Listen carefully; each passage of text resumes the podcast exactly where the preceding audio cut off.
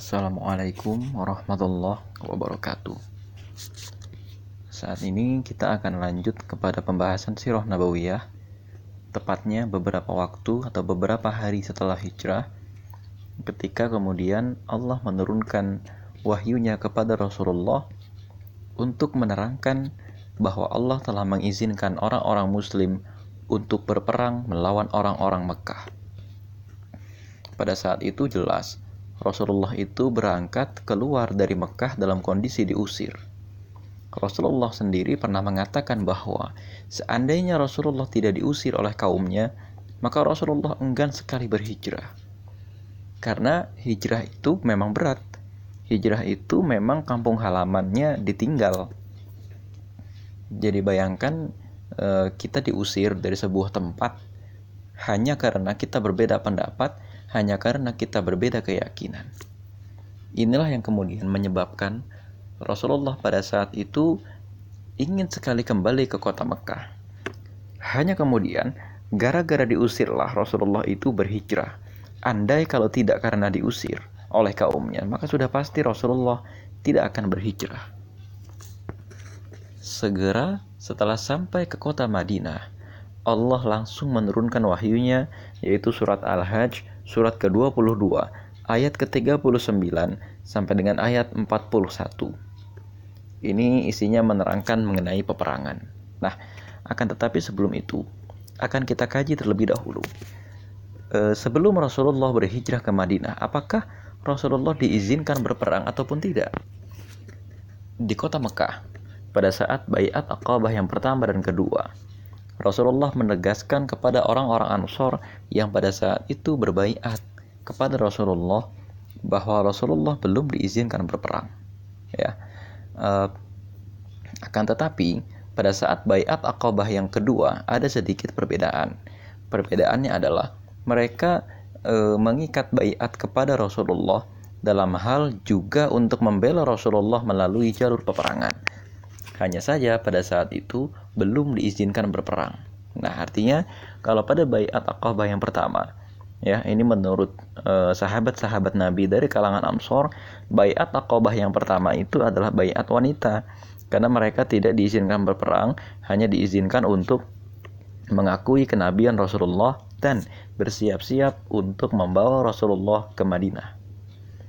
Yang kedua, bayat Aqabah yang kedua, itu mereka sudah e, berjanji untuk membela Rasulullah di medan perang, akan tetapi kapan turunnya perintah peperangan itu belum dijalankan. Nah, rekan-rekan sekalian, e, berkaitan dengan turunnya perintah perang ini, saya harus sedikit memberitahu kepada rekan-rekan e, ayat yang sering kali kita jadikan alasan gitu ya untuk memerintahkan orang sesuatu, yaitu bisa jadi apa yang dikehendaki oleh Allah itu tidak kita sukai, tapi apa yang kita kehendaki belum tentu Allah yang menyukai. Nah, itu ada satu yang kita jadikan kemudian pepatah gitu ya. Itu sebetulnya berkaitan mengenai syariat peperangan. Hari ini beberapa orang salah atau keliru gitu ya menyam, menyamakan ini dengan e, pernikahan, padahal itu dua hal yang berbeda. Peperangan itu suatu hal yang tidak bisa terelakkan, apalagi pada saat itu terjadi perang Badar uh, yang namanya peperangan itu kan mengancam jiwa, mengancam uh, keutuhan berbangsa dan bernegara, mengancam uh, perbaikan ekonomi dan lain-lain. Apalagi pada saat perang Badar yang dihadapi itu saudara sendiri. Berbeda kasusnya dengan urusan pernikahan, apalagi berbeda kasusnya dengan dakwah di dunia modern hari ini. Maka tidak sepenuhnya bisa disamakan. Artinya kita harus bisa menganalisis gitu ya kias ayat ini sebetulnya cocok atau enggak jangan cocok logi gitu ya itu bahaya nah eh, rekan-rekan sekalian kita lanjut lagi gitu ya kepada cerita peperangan ini uh, Rasulullah di sini kemudian uh, menyadari betul gitu ya bahwa tujuan peperangan ini adalah untuk mendukung dakwah bukan untuk ekspansi wilayah dan lain-lain. Mengapa? Mari kita simak kelengkapan bunyi ayatnya. A'udzubillahi minasyaitonirrajim. أذن للذين يقاتلون بأنهم ظلموا وإن الله على نصرهم لقدير الذين أخرجوا من ديارهم بغير حق إلا أن يقولوا ربنا الله ولولا دفع الله الناس بعضهم ببعض لهدمت sawami'u wa bi'u wa salawatu wa masajidu yuzkaru fiha yuzkaru fiha ismullahi katsira la yansuranna Allahu man yansuruh man yansuruh innallaha laqawiyyun aziz sadaqallahu diizinkan berperang bagi orang-orang yang diperangi karena sesungguhnya mereka dizolimi. Dan sungguh Allah Maha Kuasa menolong mereka yaitu orang-orang yang diusir dari kampung halamannya tanpa alasan yang benar karena mereka berkata Tuhan kami ialah Allah Seandainya Allah tidak menolak keganasan sebagian manusia dengan sebagian yang lain, tentu telah dirobohkan biara-biara Nasrani.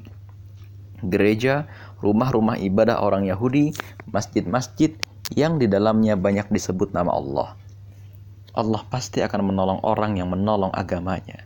Sungguh Allah Maha Kuat, Maha Perkasa. Nah, di sini e, seolah-olah gitu ya. E, seolah-olah Allah itu akan mengatakan udah nanti e, kamu akan berperang gitu loh bahwa perang itu adalah sesuatu yang tidak dielakkan. Yang pertama kali menyadari hal ini menurut e, kisah di buku Sirah karangan As-Solabi adalah Abu Bakar Siddiq. Abu Bakar Siddiq itu memahami bahwa setelah ini sepertinya akan terjadi peperangan. Jelas sekali. Ini juga mengandung penegasan bahwa Rasulullah pada saat itu diperintahkan untuk membangun infrastruktur sarana perang apa saja, sudah pasti yang pertama pasukan perang. Akan tetapi, rekan-rekan sekalian, barangkali kita masih membayangkan perang itu berlangsung gitu ya seperti sebagaimana perang yang berlangsung di film-film. Gitu ya, bukan perang yang seperti kita tahu di zaman modern ini gitu ya. Artinya apa? Kalau kita merujuk ya kepada satu teori William uh, William Lin gitu ya.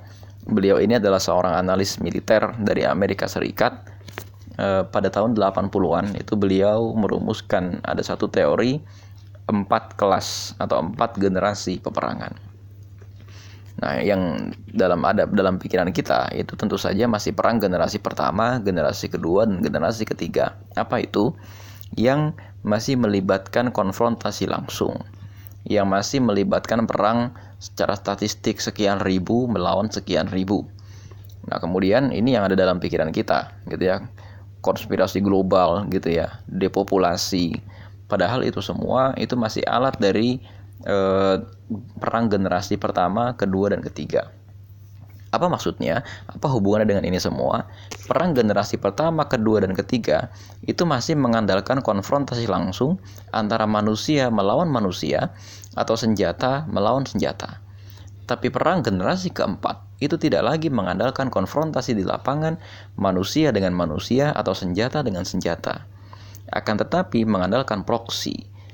Ya, mengandalkan aktor-aktor di luar negara, mengandalkan aktor-aktor selain pasukan perang. Negara memfungsikan uh, aktor atau negara itu memfungsikan lembaga-lembaga yang sesungguhnya bukan lembaga militer, bukan lembaga yang berfungsi untuk peperangan, untuk melancarkan serangan-serangan yang efektif untuk melumpuhkan kekuatan sebuah negara. Nah, ini adalah perang generasi keempat, gitu ya. Sedangkan sekarang ini sebetulnya sudah masuk ke perang generasi kelima. Nah, perang generasi keempat itu lebih banyak disebut sebagai perang proksi.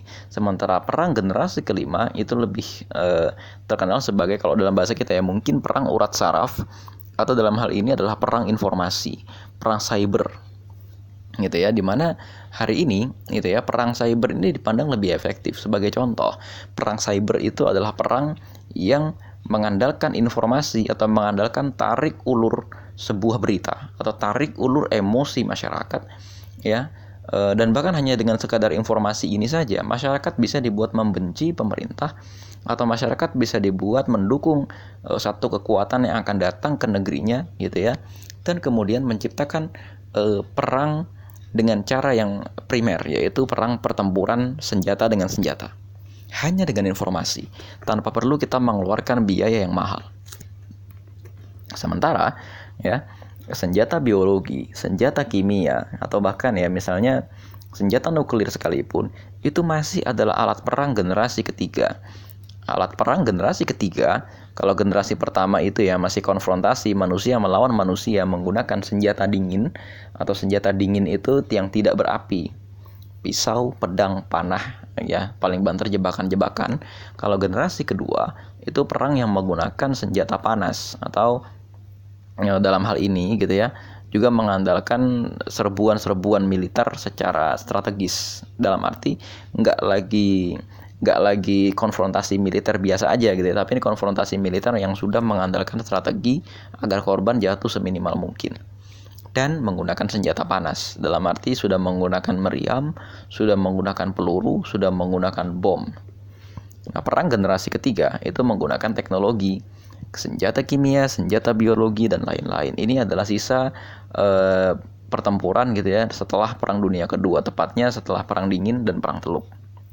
Nah, rekan-rekan sekalian, rupanya kebanyakan orang-orang Islam dan termasuk juga sebagian aktivis Islam masih membayangkan Perang Dunia Modern sebagai perang generasi ketiga, yaitu perang yang menggunakan senjata. Sudah proses membangun senjata itu mahal, ya. Yang kedua, senjata itu kebanyakan sulit dikendalikan.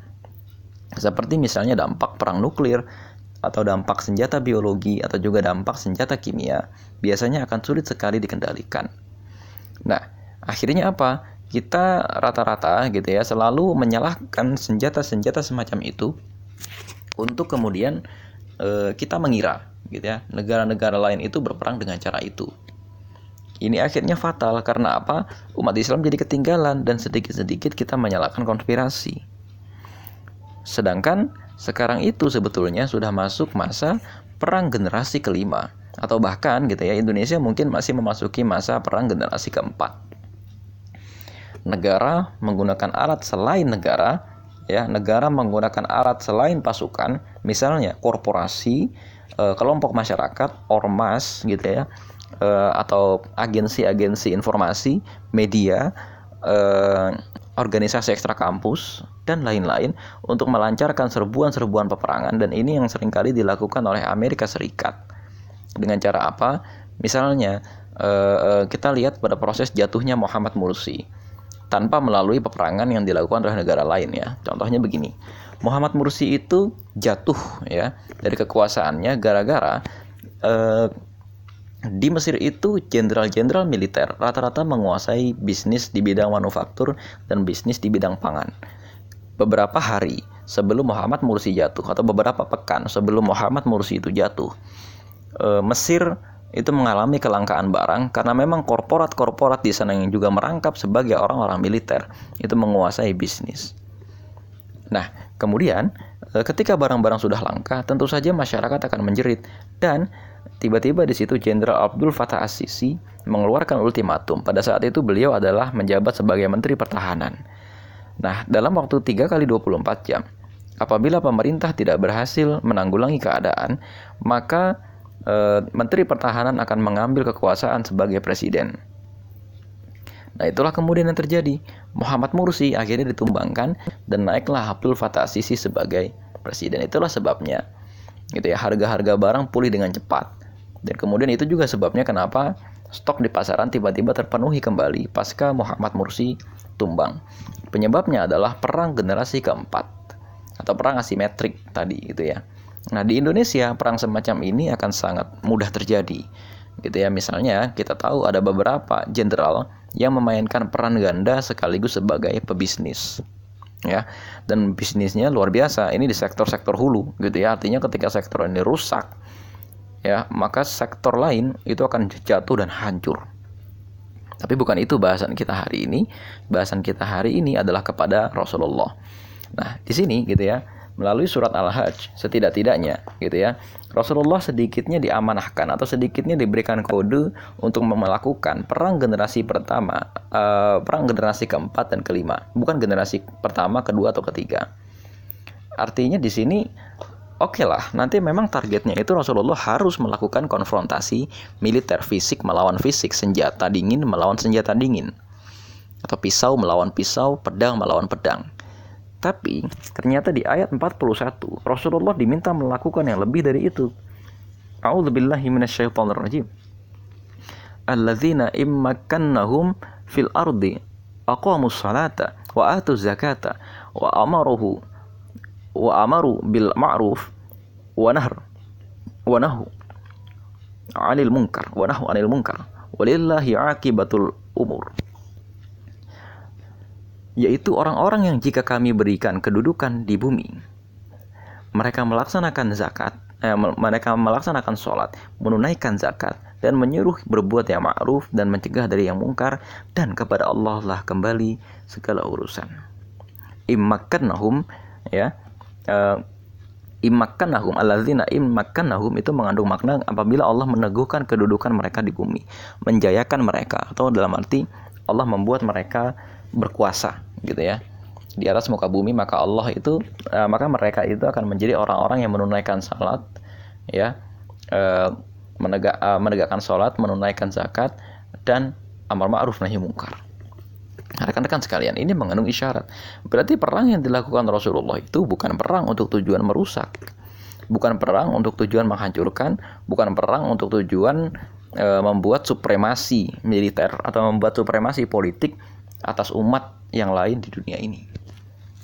Tapi yang dilakukan Rasulullah melalui perintah Allah pada surat Al-Hajj ayat 39, ayat 40 dan ayat 41 adalah untuk melakukan perang generasi keempat dan generasi kelima. Kenapa?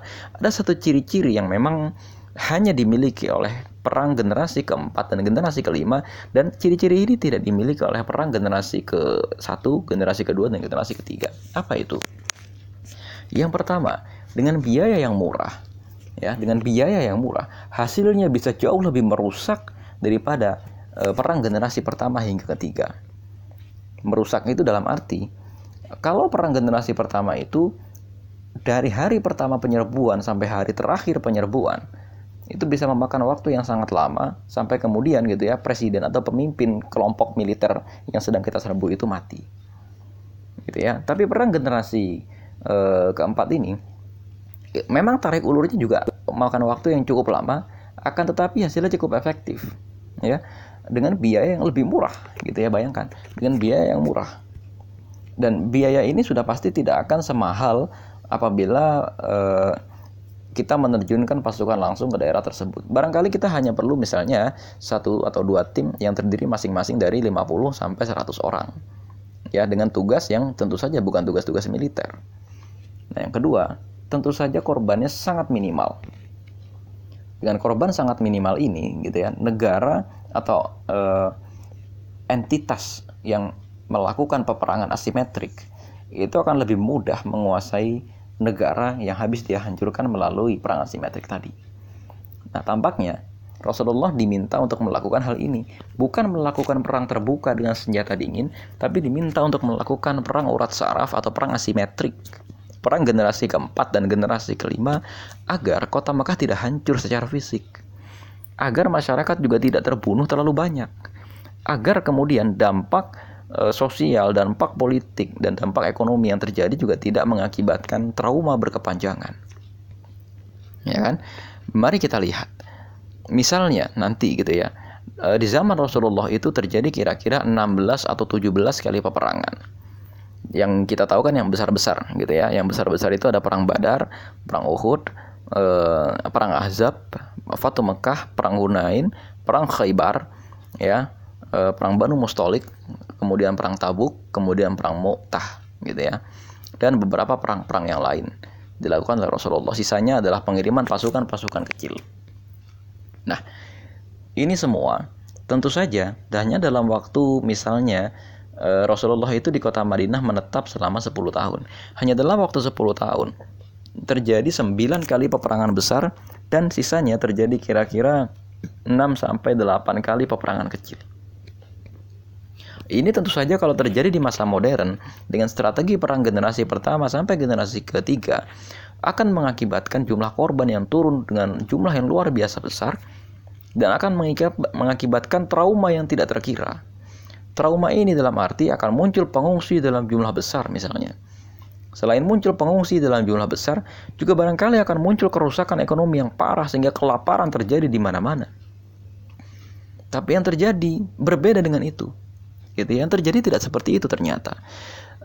Segera setelah Rasulullah meninggal, gitu ya dan kemudian ada terjadi beberapa insiden di masa Abu Bakar Siddiq berupa perang Riddah gitu ya artinya perang itu tidak berhenti setelah Rasulullah meninggal ternyata di masa Umar bin Khattab hanya memakan waktu kira-kira sekitar 15 tahun atau kira-kira 20 tahun setelah Rasulullah meninggal ya puncak kejayaan Islam itu mulai lepas landas di masa Umar bin Khattab di mana supremasi hukum tertata dengan rapi ya bangsa Arab berhasil diajak oleh Umar bin Khattab untuk menaklukkan Palestina dan juga untuk menaklukkan Mesir dan kemudian menaklukkan kerajaan Persia. Hanya sekian tahun setelah rentetan perang-perang besar yang dipimpin langsung oleh Rasulullah terjadi. Kalau ini terjadi di masa sekarang, tentu korbannya akan luar biasa, biaya yang dikeluarkan tidak mudah dipulihkan. Ya, akan tetapi ternyata perang yang dilakukan oleh Rasulullah dengan strategi perang generasi keempat dan perang generasi kelima. Dengan korban seminimal mungkin, biaya seminimal mungkin, kerusakan seminimal mungkin, tapi gaya tekan dan uh, daya dampak politik yang dihasilkan demikian efektif. Ini sudah membuktikan kecanggihan uh, Rasulullah, ini sudah membuktikan ketajaman perintah Allah. Bahwa tujuan utama perang dalam Islam itu bukan untuk membunuh, kalau memang sejak awal tujuan perang dalam Islam itu untuk membunuh, maka tidak mungkin hanya dalam waktu kira-kira gitu ya, 5 atau 10 tahun setelah perang terakhir di era Rasulullah terjadi ya. Atau hanya kira-kira tujuh tahun setelah perang terakhir di masa Abu Bakar As-Siddiq terjadi gak mungkin bangsa yang sama yang habis mengalami perang saudara besar-besaran selama kira-kira 12 sampai 15 tahun bisa menaklukkan Persia, bisa menaklukkan Palestina, atau bahkan bisa menaklukkan Mesir. Ini luar biasa. Gak mungkin hal semacam ini bisa dilakukan apabila selama 15 tahun itu perang yang terjadi adalah perang yang masih memanfaatkan cara perang generasi pertama, generasi kedua, dan generasi ketiga, di mana biasanya ini berdarah-darah. Beruntungnya lagi, ya, dengan hadis dari Jabir bin Abdullah, bahwa perang Buat itu betul-betul adalah berkah ya. Perang Buat itu kan kira-kira terjadi 5 sampai 3 tahun sebelum Rasulullah berhijrah ke kota Madinah. Karena perang Buat itu masih menggunakan strategi perang generasi pertama hingga kedua. Dampaknya apa yang terjadi? Terjadi kematian massal di kota Madinah. Sampai orang tua para sahabat Nabi, kalangan Ansor, dari generasi tua itu mati massal semua. Ya, puluhan atau bahkan ratusan pemimpin orang-orang Ansor meninggal akibat perang Buat. Berbeda dengan dampak yang ditimbulkan oleh perang-perangnya Rasulullah. Nah, tapi ini baru pengantar, gitu ya. Kemudian Rasulullah setelah mengetahui perang ini akan terjadi dan persiapan-persiapan perangnya, gitu ya. Persiapan-persiapan perangnya tidak biasa, maka kemudian tahap pertama seperti apa yang dikatakan oleh As-Salabi, Rasulullah itu melakukan sensus Nah, setelah disensus gitu ya ternyata eh, didapatkan data bahwa jumlah orang-orang Islam itu sekitar 1.500. 1.500 laki-laki yang kemudian bisa dikonversi menjadi tenaga tempur. Nah, jumlah ini tentu saja cukup besar gitu ya mengingat orang-orang Quraisy sendiri ya dalam jumlah maksimalnya itu berkekuatan kira-kira 2.000 sampai 3.000 orang. Tentu saja 1.500 orang laki-laki yang sudah masuk Islam ini sejumlah kekuatan yang besar. Rekayasa pertama yang dilakukan oleh Rasulullah yang pertama adalah membuat ring satu agar moral pasukan itu naik, gitu ya. Eh, Jenderal uh, Syed Mahmud Khattab, ya seorang jenderal Irak yang menulis sebuah kitab Sirah Nabawiyah tapi berbasis militer. Dia memaparkan dengan jelas sekali bahwa Rasulullah itu melakukan sesuatu yang e, wajib dilakukan oleh semua panglima perang. Apa itu? Ukhuwah antar pasukan. Yang ikatan ukhuwahnya itu bukan mereka berperang bukan gara-gara dibayar. Mereka berperang bukan untuk mencari e, ghanimah, bukan untuk mencari barang rampasan, bukan juga untuk mencari keuntungan-keuntungan yang sifatnya material. Akan tetapi, pasukan itu diikat dengan satu kepentingan betul-betul untuk menegakkan cita-cita luhur. Nah, moral pasukan saja di sini sudah berbeda, motifnya gitu ya. Kalau motif Rasulullah berperang itu untuk menegakkan cita-cita, kalau motifnya orang-orang Quraisy dendam, motifnya orang Quraisy itu cuma sekedar untuk merusak saja. Dari sini gitu ya, motifnya saja sudah lebih kuat Rasulullah. Apalagi diikat dengan satu kekuatan ta'akhi, persaudaraan antara kaum Ansor dengan kaum Muhajirin. Yang kedua, Rasulullah sadar gitu ya bahwa orang-orang Quraisy pasti sedang menganalisis kondisi analisis uh, kondisi sosial yang terjadi di kota Madinah. Bahwa orang-orang Quraisy juga sudah pasti punya tabel siapa musuh Rasulullah, siapa sahabat Rasulullah dalam arti kalangan-kalangan mana gitu ya. Orang-orang Quraisy sadar betul bahwa di kota Madinah sudah pasti ada kalangan oposisi Rasulullah dan juga ada kalangan oposisi garis keras yaitu diwakili oleh kalangan Yahudi yang terdiri dari empat elemen besar. Oposisi yang pertama adalah orang-orang munafik. Oposisi yang kedua adalah orang-orang Yahudi. Maka langkah pertama orang-orang Quraisy langsung memberi surat kepada Abdullah bin Ubay bin Salul sebagai pemimpin orang-orang Yahudi untuk mengajak eh, koalisi ya nanti target akhirnya adalah membunuh Rasulullah atau mengembalikan Rasulullah ke kota Madinah.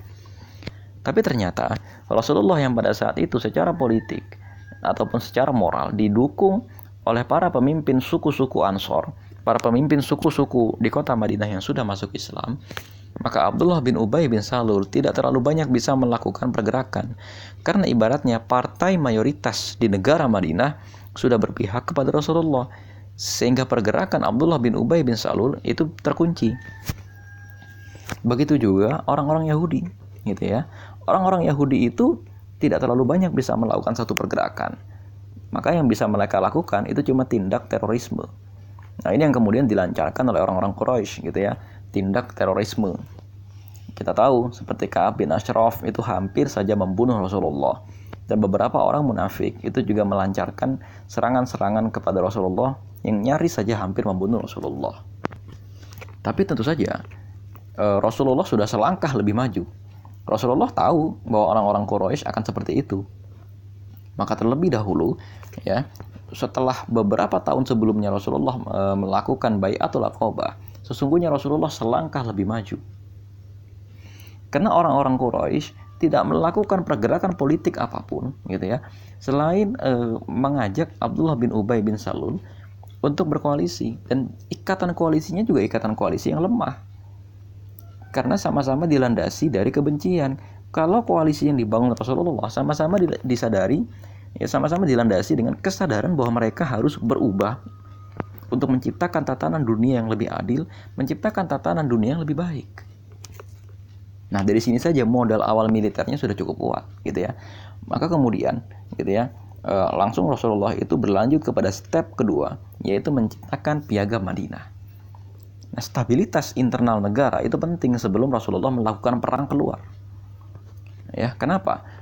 Karena balik lagi, satu meningkatkan moral rakyat.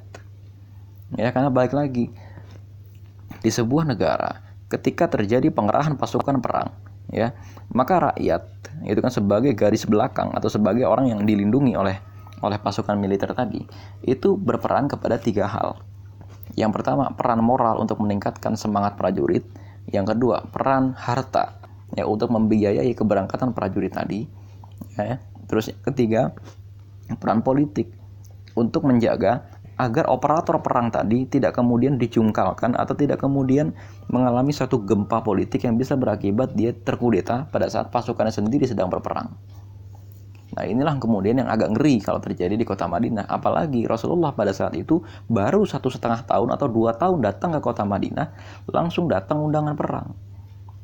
Ya, hanya beberapa minggu setelah Rasulullah menetap di kota Madinah, datang satu surat buronan gitu ya surat uh, surat yang bounty lah gitu ya bahasanya surat yang mengandung harga buronan dari negara Mekah kepada negara Madinah yang surat itu dikirim kepada Abdullah bin Ubay bin Salul Oh, ini bahaya sekali. Gitu ya, bahaya sekali. Ibaratnya seperti gara-gara negara Qatar itu menerima Yusuf Qardawi, maka negara-negara Arab itu rame-rame memutuskan uh, hubungan diplomatik gitu ya dengan negara Qatar karena tuduhannya Yusuf Qardawi itu teroris. Nah, ini yang kemudian Rasulullah ternyata selangkah lagi lebih maju. Segera setelah Rasulullah itu mendirikan atau atau menguatkan tatanan sosial di kota Madinah agar moralnya itu utuh. Rasulullah sadar betul ini perekonomian perlu dibangun. Maka kemudian orang-orang muhajirin disuruh kerja, itu yang pertama. Yang kedua, Rasulullah membangun pasar. Yang pasar itu berbeda dengan pasar Yahudi yang penuh dengan riba. Yang orang-orang Yahudi di sana itu punya rapat khusus untuk mengatur harga. Sementara kalau di pasarnya Rasulullah, pajaknya nggak ada, bebas riba, dan kemudian nggak ada pungutan-pungutan yang nggak jelas. Semua pedagang bebas dagang di sana, tanpa kemudian eh, diatur-atur oleh satu mekanisme sehingga eh, masyarakat tidak mendapatkan kejelasan harga. Artinya harga betul-betul dilepaskan kepada pasar. Ya udah, kalau permintaan lagi tinggi, ntar juga harga naik. Tapi kalau permintaan lagi rendah, ntar juga harga turun. Dikituin aja, gitu kan? Tanpa kemudian ada penimbunan, tanpa kemudian ada mekanisme nyegat orang yang mau dagang di luar pasar, gitu ya, dan lain-lain agar harganya dimain-mainkan. Nah, ini yang kemudian menciptakan stabilitas ekonomi. Yang pertama, stabilitas e, sosialnya sudah ada. Kedua, stabilitas ekonominya sudah ada. Dan jangan lupa, orang-orang Ansor itu bukan orang-orang yang tidak berpengalaman di medan perang. Ini mereka baru tiga tahun melalui perang Buat. Artinya mereka itu sudah betul-betul orang yang tahu apa itu perang. Mereka sadar konsekuensi perang itu apa. Nah, ini yang kemudian menjadi bekal persiapan perang bagi orang-orang muhajirin pada saat itu. Bekal persiapan perang bagi orang-orang muslim. Dan kemudian gitu ya, Rasulullah itu mengirim pasukan-pasukan kecil hanya di minggu-minggu pertama gitu ya minggu-minggu pertama untuk apa satu mengikat perjanjian dagang dengan ancaman kekuatan militer yang kedua mengikat perjanjian e, dalam arti ya perjanjian militer gitu contoh yang paling nyata itu ada pasukan yang dikirim ke Bani Damroh dan juga ada pasukan yang dikirim ke e, Bani Mazij gitu ya dan kepada dua bani ini, gitu ya, Rasulullah itu mengikat satu perjanjian ekonomi dan perjanjian militer. Mengapa? Karena dua bani ini terletak di uh, lokasi yang tidak jauh dari Madinah. Terus apa hubungannya? Karena pada saat itu kedudukan kota Madinah itu bukan kota yang biasa.